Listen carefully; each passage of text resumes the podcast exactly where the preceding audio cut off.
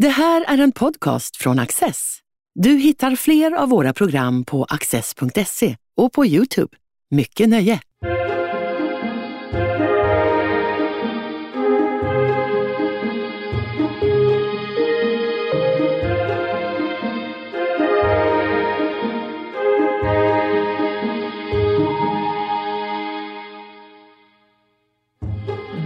Bilder kan hjälpa studenter att diskutera och reflektera över entreprenörskap. Det visar Katarina Elborg, fil. doktor i företagsekonomi vid Linnéuniversitetet. Hon har undersökt studenters förförståelse med hjälp av en visuellt baserad metod. Vilka fördomar och förhoppningar om entreprenörskap har de med sig? Och hur påverkar det inlärningen? Katarina Elborg, välkommen hit. Tack så mycket. Trevligt att få vara här. Du har disputerat i företagsekonomi och fokuserat på bilden av entreprenörskap. Men din väg in i det här ämnet har ju inte varit på något sätt spikrak om man får säga så. Eh, vill du börja med att berätta för oss hur det kommer sig att det blev just det här och hur resan har gått? Det gör jag gärna. Ehm, jag har en företagsekonomiutbildning som min kandidatexamen men under den tiden och efter det så har jag sysslat väldigt mycket med scenkonst och jobbat både på och bakom scenen och sen jobbat inom Riksteaterrörelsen i 15 år. Så jag hade, kan man säga, väldigt stor nytta av att ha läst företagsekonomi i ett rent praktiskt perspektiv. Jag har liksom sett användningsområde för min utbildning fast jobbat med kulturadministration och kulturproduktion. Och sen så kom jag tillbaka till akademin kan man säga för jag eh, jobbade tillsammans med en professor inom kulturledarskap som sa du ska läsa den magistern jag ger. Den magisterutbildningen, det här är du. För det är kultur och det är ekonomi. Och det här möts allt mer. Vi ser en ekonomisering av kulturen och en kulturisering av ekonomin i samhället. Så det här tror jag skulle passa dig. Och han väckte en nyfikenhet hos mig att gå tillbaka och studera. Och det var ju fantastiskt att göra som vuxen. Och i det här magisteråret så ingick det en kurs i entreprenörskap. Och det hade jag inte läst från början. Och jag kan väl säga att när jag tog kursen i entreprenörskap på magisternivå så hade jag lite grann armarna i kors. Jag var lite sådär avvaktande. Därför att när man jobbar i kultursektorn så är ordet entreprenörskap och företagsekonomi överhuvudtaget lite, vad ska jag säga, främmande det är ingenting man skulle kalla sig. Jag möter väldigt få kulturarbetare som skulle kalla sig entreprenörer.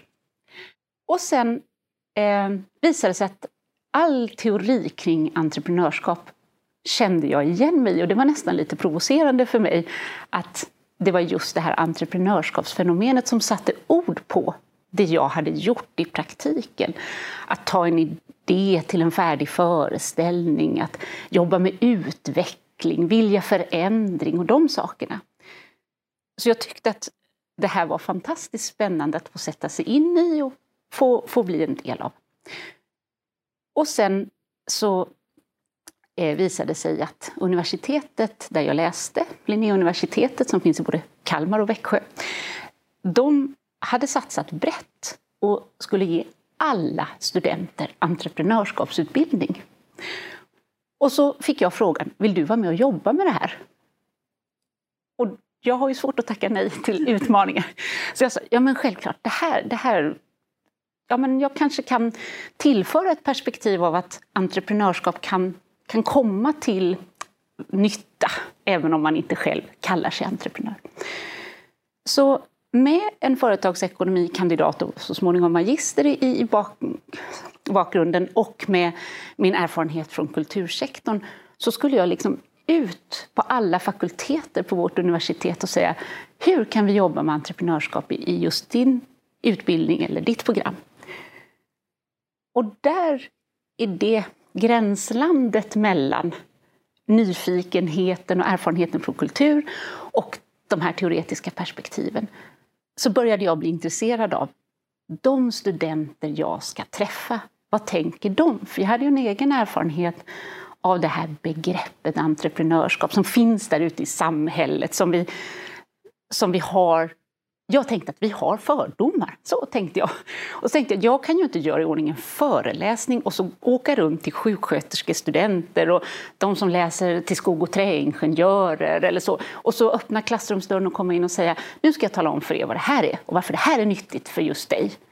Utan jag ville vända på det och undra, vad har du för bild av det här fenomenet? Så, så där väcktes, så att säga, min första undran som så småningom blev forskning. Men, men jag, ville, jag ville veta vad studenter idag på vårt universitet tänkte om begreppet entreprenörskap och vad de hade för bilder, att vi skulle starta där. Och då använder du just av bilder för att konkretisera detta. Det är jättespännande. Men vad, vad var då bilden av entreprenörskap enligt dig och hur skilde det sig från de här studenterna som du träffade? Mm. Jag kom ju ehm, kan man säga då, från kulturvärlden med en hållning att jag tänkte nog, min privata bild från början var att entreprenörer de söker vinst till varje pris. Eh, det är sådana som är på utsidan av ekonomimagasin. De har ofta slips och så vidare. Så jag hade en ganska fördomsfull bild, skulle jag vilja säga, av entreprenörskap. Och jag upplevde att studenter gemene student så att säga var, var mycket mera avslappnad i förhållande till det här begreppet. Så en person som är, som är 20-25 år och studerar, de förhöll sig ganska problemfritt till det. De hade väldigt olika bilder naturligtvis, men, men, men eh, de kunde prata om entreprenörer som att ja, men det är personer som, som är kreativa, de har ett väldigt starkt driv och så vidare. Så att de, jag fick mycket mera positiva konnotationer ifrån studenterna än vad jag hade förväntat mig kan jag säga. Din avhandling är ju tvärvetenskaplig, minst sagt. Att du har ju både företags, företagsekonomi, du har didaktik och så har du den rent konstnärliga och visuella biten med dig. Eh, men den känns ändå väldigt eh, tillämpbar på, på verkligheten. Eh, kan du föreläsa inom i princip alla områden och tillämpa det här? Ja, ehm, och där får jag väl säga, jag har ju min, min akademiska bakgrund i företagsekonomi så jag kan ju inte säga att jag är pedagog eller eh, konstvetare. Men jag tänker att jag kan tillräckligt mycket om och har, har själv praktisk erfarenhet av eh, didaktik och bildpedagogik vilket gör att det kanske också blir mer tillgängligt. Så eh, jag har upptäckt att det som min avhandling handlar om väcker många lärares nyfikenhet. Så här, ja, men, men det här är ju en metod, att, att använda bilder för att ställa frågor, öppna frågor till studenter. Det skulle ju jag kunna göra i mitt klassrum. Och en kollega till mig som jobbar med ledarskap, han sa men vi kunde ju lika väl ha frågat om ledarskap som om entreprenörskap. Så ja, det tvärvetenskapliga gör nog att man kan associera till det även om man inte är företagsekonom. Berätta gärna lite mer om de här bilderna. Varför just det här urvalet? Hur mm. kommer det sig? Ja, för det som jag har gjort det är att eh, i alla klasser eller grupper av studenter som jag har mött så tog jag med mig en bunt svartvita bilder i eh, så här, vi har dem med mig. Eh, de är i vykortsstorlek och det har, det är 31 bilder. Det var, det, det, var inte specifikt att det måste vara just 31. Men det här, det här hänger ihop med att jag hade en kollega som är fotograf och konstnär. Och eh, hon hade använt svartvita bilder för att, att ha samtalsgrupper. Och så frågade jag henne, ja, men kan inte jag få en bunt bilder av dig som, som jag skulle kunna använda? Eh, som, som föreställer allt möjligt. Det, det, måste vara både män och kvinnor, det måste vara utomhus, inomhus, ja, lite olika aktiviteter och föremål och så. Så hon satte ihop en bunt bilder. Jag satte upp dem på en whiteboard, träffade studenterna, de fick välja en bild som de tyckte föreställde entreprenörskap utifrån sin fördom eller sin förståelse. Och det här provade jag ett par år och det visade sig att vi pratade om allt möjligt. Bilderna styrde väldigt lite vad de sa, utan de tyckte styra vad de ville säga och så använde de bilderna som ett verktyg för att berätta.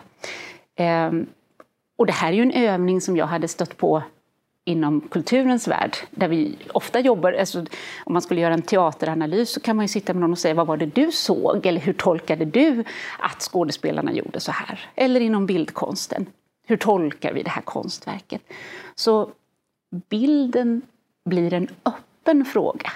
Om man frågar någon med bara ord, vad är entreprenörskap? Så kommer den personen uppleva att det är en kunskapsbaserad fråga som det finns ett rätt eller fel svar på.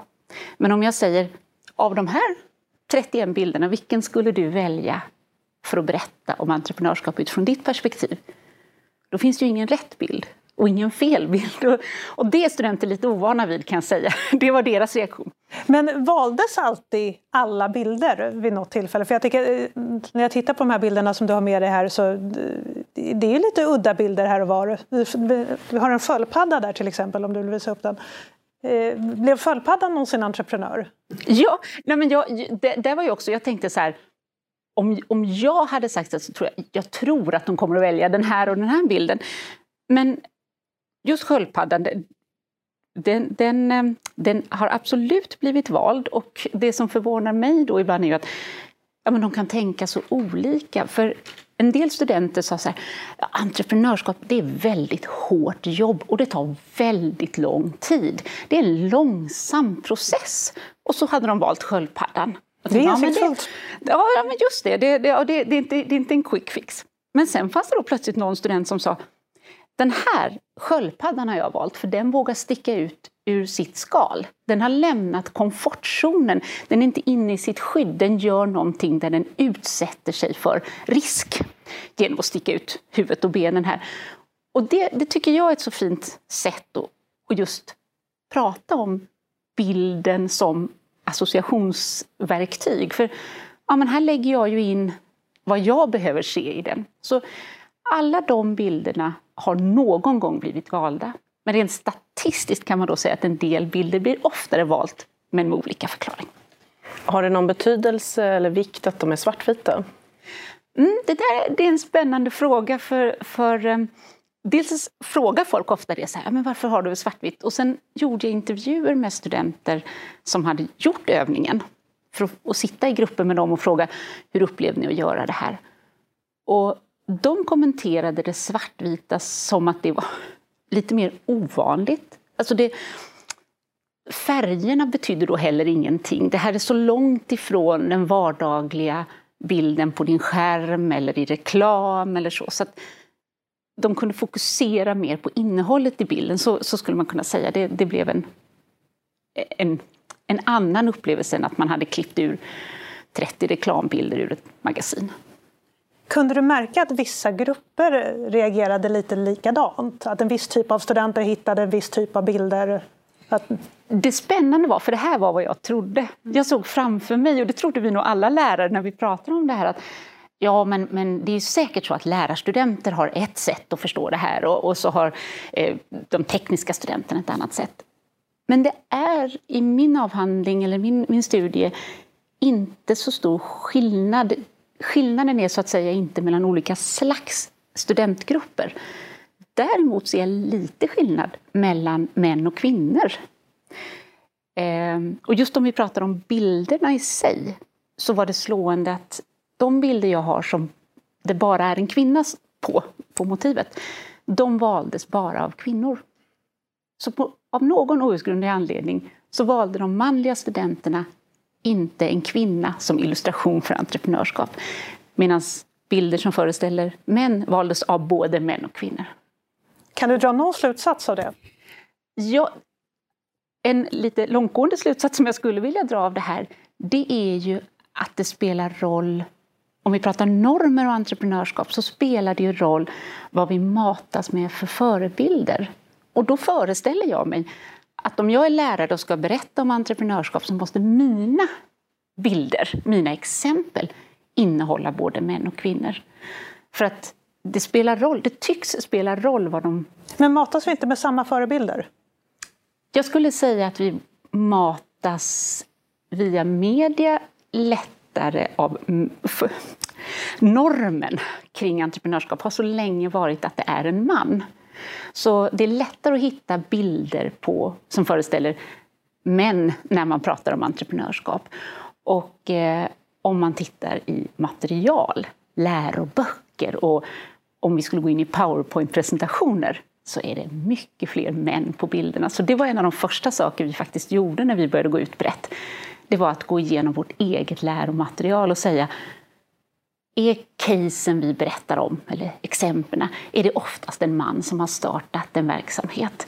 Eh, råkar det alltid vara Steve Jobs eller Ingvar Kamprad som nämns? Eh, så, till och med hade vi e-, en, en kursbok. Och det här är väldigt symptomatiskt för entreprenörskap, för där var det 20 kapitel. Och det fanns ett kapitel som hette Kvinnors och invandrares entreprenörskap. Och för mig berättade det att det var 19 kapitel av norm och ett kapitel som pekade ut de här annorlunda entreprenörerna, nämligen kvinnor och invandrare. Och där måste vi våga prata om och jobba med. Och det gör vi när vi låter studenterna berätta, för då väljer de det de tänker på. Och då kommer ju allas röster till tals. Under själva doktorandprocessen så att säga, då ska man ju undervisa som en del av det. Och det är många doktorander som klagar på detta och tycker att det tar upp tid från övrig forskning och att få klart sin avhandling. Men du har ju ett särskilt intresse i just undervisningsbiten. Hur skulle du vikta den i att den eh, spelat roll under doktorandtiden för dig mot de här intervjuerna till exempel? och så? Vi gjorde faktiskt en överenskommelse när jag fick möjlighet att börja doktorera att jag skulle få fortsätta undervisa halvtid. Jag ville eh, inte släppa undervisningen och det blev ju också där jag samlade största delen av min empiri. Så min datainsamling var ju i samband med undervisning, så jag ville ju samla studentröster och prövade ju mig fram eh, innan jag började samla data genom att praktiskt undervisa och utvecklade den här övningen och såg hur det fungerade och så. så att, eh, jag intresserar mig, i och med att jag har didaktik som en del av min avhandling, så intresserar jag mig för undervisningen. Och eftersom det är just studenter jag intresserar mig för, så vill man ju möta dem i din undervisning var i princip din forskningstid? Ja, det flöt, det flöt liksom ihop, vilket naturligtvis är komplext. För det, eh, det betyder ju att, att det var viktigt att jag berättade för studenterna att det ni berättar här, för de fick också göra anteckningar eh, när de hade valt en bild och skriva några stödord som jag fick med mig, så, så fick ju jag berätta att det här samlar jag så att ni, eh, de orden kommer att finnas med i mitt datamaterial. Så, så, det har vi pratat ganska mycket om. Ja, men svarade de dig på ett visst sätt för att du var deras lärare?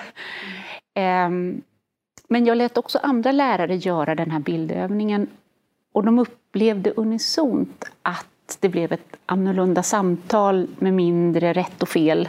Som jag nämnde det här med att studenterna förstod av övningen att det här är ingen kontrollfråga där de blir bedömda. Utan vi undrar ärligt, vad tänker du? Och, och, där hjälper bilden till, för det är så pass annorlunda. Det var inte så att de fick frågan på ett papper och skulle lämna in och så fick de rätt eller fel på det, utan de fick säga och, och, och, flera sa ju negativa saker. Jag har haft studenter som, som har valt ut um, och lite liksom, normativt. Det, det finns en bild som den här fotografen har berättat att det är tre män som satt på en konferens där hon var. Så hon har, hon har tagit det här kortet i farten där de sitter och en har en dator och en har en iPad och en har en telefon och det är herrar.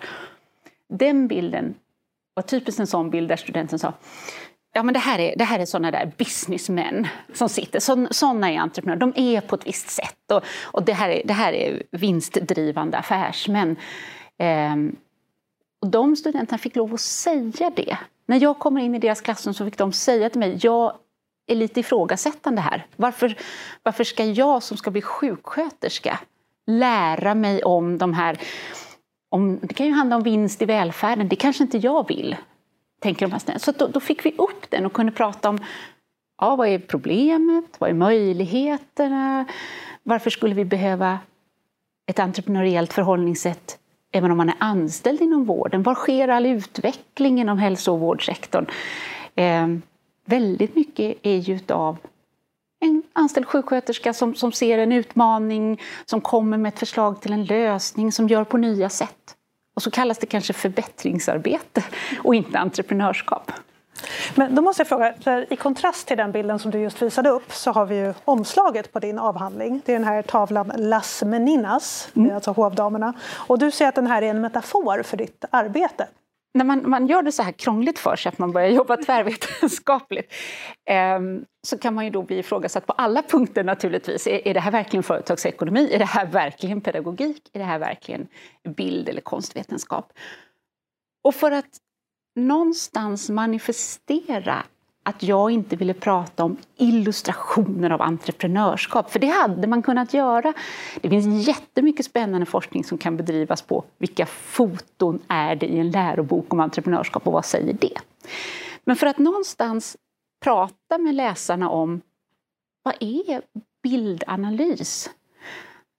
Så hade jag på en, en kurs jag hade gått blivit presenterad för den här eh, barockmålningen, det är ju en 1600-talsmålning, som sägs vara en av de mest komplexa målningarna när det gäller perspektiv. Den, den, var banbrytande därför att den, den visar konstnärens perspektiv, den visar motivets perspektiv, men den ställer också åskådaren framför tavlan. Man tänker sig då att de som är på tavlan tittar på åskådaren och åskådaren tittar in på dem. Så här finns en relation och ett perspektiv.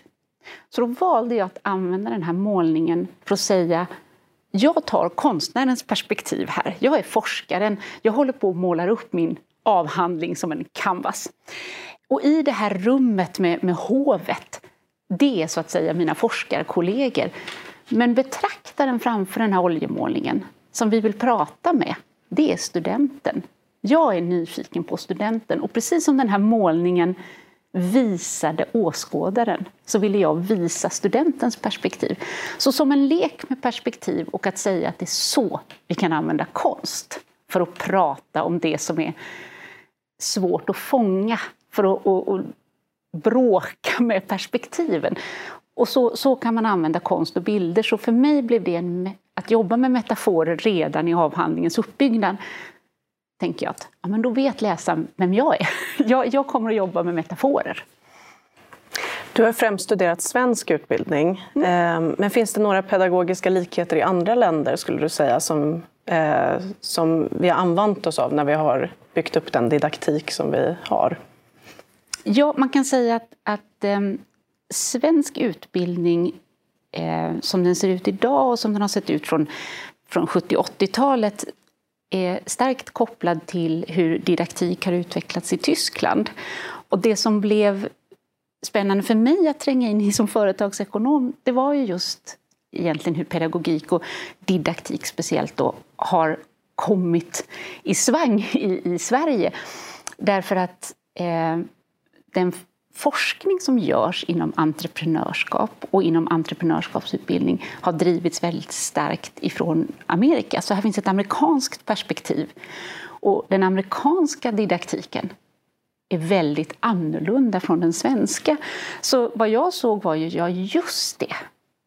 All, alla artiklar och all forskning som skrivs på engelska skriver om didactics, som är det engelska begreppet som vi översätter. När vi säger didaktik i Sverige så vet vi väl att vi menar att det handlar om elevens, eller i vårt fall studentens perspektiv, och det handlar om läraren och det handlar om innehållet. Så har man läst en svensk lärarutbildning då, då kan man bli väckt mitt i natten och säga didaktik. Då pratar vi om vad lär vi, hur lär vi det och varför ska vi lära oss det här och vem är det som ska lära sig? Översätter man det till didactics och en engelsktalande läser det här, då betyder didactics väldigt smalt. Hur ska vi lära ut det vi har bestämt att de ska lära sig? Om jag hårdrar det. Så den amerikanska förståelsen av det här ordet didactics, det handlar inte alls om varför ska vi lära oss det här och vem är det som ska lära sig? Och det gör att all forskning i företagsekonomiutbildning får liksom lite slagsida mot en amerikansk förståelse. Och därför har vi inte tittat särskilt mycket på varför vill studenten lära sig det här eller inte lära sig det här? Varför förstår de ett begrepp på olika sätt? Så studentperspektivet har varit skymt av att ordet didaktik har blivit didactics och därmed inte varit intressant för en amerikansk eller engelsk eh, forskningsströmning, så att säga, eller forskargrupp. Vi borde helt enkelt titta tillbaka till Tyskland och inspireras ja. där igen. Ja, jag tror att hade, hade, hade vi inte använt här, den här översättningen så hade inte det här samtalet kommit bort på samma sätt som det har visat sig att det, att det har gjort. Så, så det är väl det som jag vill utmana med min forskning, att vi kan återta, att den, den, svenska användningen av didaktik, vågar vi använda det så ställer vi fler frågor. Vi intresserar oss lättare för studentperspektivet. Vi är mer nyfikna på varför. Varför ska vi skicka ut entreprenörskapsutbildning? Inte bara för att en forskare tänker att det här är nyttigt för någon. Eller, det finns ju väldigt starka politiska krafter. Entreprenörskap är ju jättepolitiskt laddat. Vi har ju en, en, en strategi i Sverige där det står att alla ska ha det här. Från förskola till universitet. Så det finns regeringsbeslut på att entreprenörskap är gott och nyttigt. Eh, och det måste vi våga ifrågasätta också. Men då måste jag fråga dig eh, någonting som går lite utanför ditt forskningsområde men du mm. känns ändå som rätt person att ställa den här frågan till. Prova. Att, eh, det, det, finns ju en kulturpolitisk diskussion nu att eh, många konstnärer och kulturutövare klagar mycket på att eh, de förväntas vara både konstnärer och entreprenörer. Eh, är det egentligen ett problem, tycker du, att behöva vara konstnär och entreprenör? Går de två att kombinera? Eller har många konstnärer de fördomar som du hade om entreprenörskap? Ja, jag tror att många har de fördomarna. Och om man pratar om entreprenörskap i bemärkelsen eh, den ekonomiska bemärkelsen, att du ska vara företagare och att du ska ha en skyldighet att vara självförsörjande eller vinstdrivande, så, så rimmar det ju ganska dåligt med det som oftast är kulturens starka egenvärde eller målsättning. Pratar vi om entreprenörskap i bred bemärkelse, att du är en person som tar dig för saker. Entreprenör kommer från franskans entré, att göra entré och prendre, gripa tag. Så de som går in i situationer och griper tag i dem, det gör ju mycket konstnärer och kulturutövare. Så, så där kan de känna igen sig, eller vi känna igen oss. Men om man säger då, ja men du ska också eh, sälja biljetter till ett visst pris, eller är det inte själv eh, finansierad i den här delen så är din konst värdelös. Där har vi ju ett problem med ordet värde. För vem är något värdefullt? Så jag tror att vi behöver lära oss att förstå varandras språk. Jag tror att vi, vi, vi alla behöver förstå ett konstnärligt värde, ett ekonomiskt värde, ett eh, ekologiskt värde och så vidare på saker och ting för att motivera Ska man gå in till en kommunpolitiker och berätta varför den här kulturverksamheten är viktig så behöver man förstå vilka andra bevekelsegrunder de har. Där man kanske fastnar om man säger det här är en sån fantastisk konstutställning så, så den ska bara få finnas i sin egen rätt. Man kanske också behöver berätta ja, men vilka värden den genererar och plötsligt får man sitta där och prata om besöksnäring och sådana saker. Så man, man kan behöva förstå eh, de olika värdeperspektiven och på så sätt förstå även det ekonomiska entreprenörskapet. Alltså viss konst behöver ju få existera bara i sin egen rätt. Det är det som är så komplicerat i det här. Ja, och då behöver man kanske prata om det. Ja, men vad är det då som ska få kosta någonting annat för att bekosta den här? Alltså för att vi gemensamt vill ha just den här... Eh, vi tycker att det här är, konstens egenvärde är så viktigt. Så det väljer vi att lägga skattemedel på. Och var skatterna kommer ifrån, det får vi prata om i ett annat rum. Så att säga. Katarina Elborg, tack för att du ville komma hit. Tack så mycket för att jag fick komma. Vi har fått lära oss mer om didaktik och att ett något abstrakt begrepp som entreprenörskap kan konkretiseras genom bilder. Tack för att ni har tittat. Du har just lyssnat på en podcast från Access. Du vet väl att vi också är en tv-kanal och tidning? Teckna en prenumeration idag på access.se.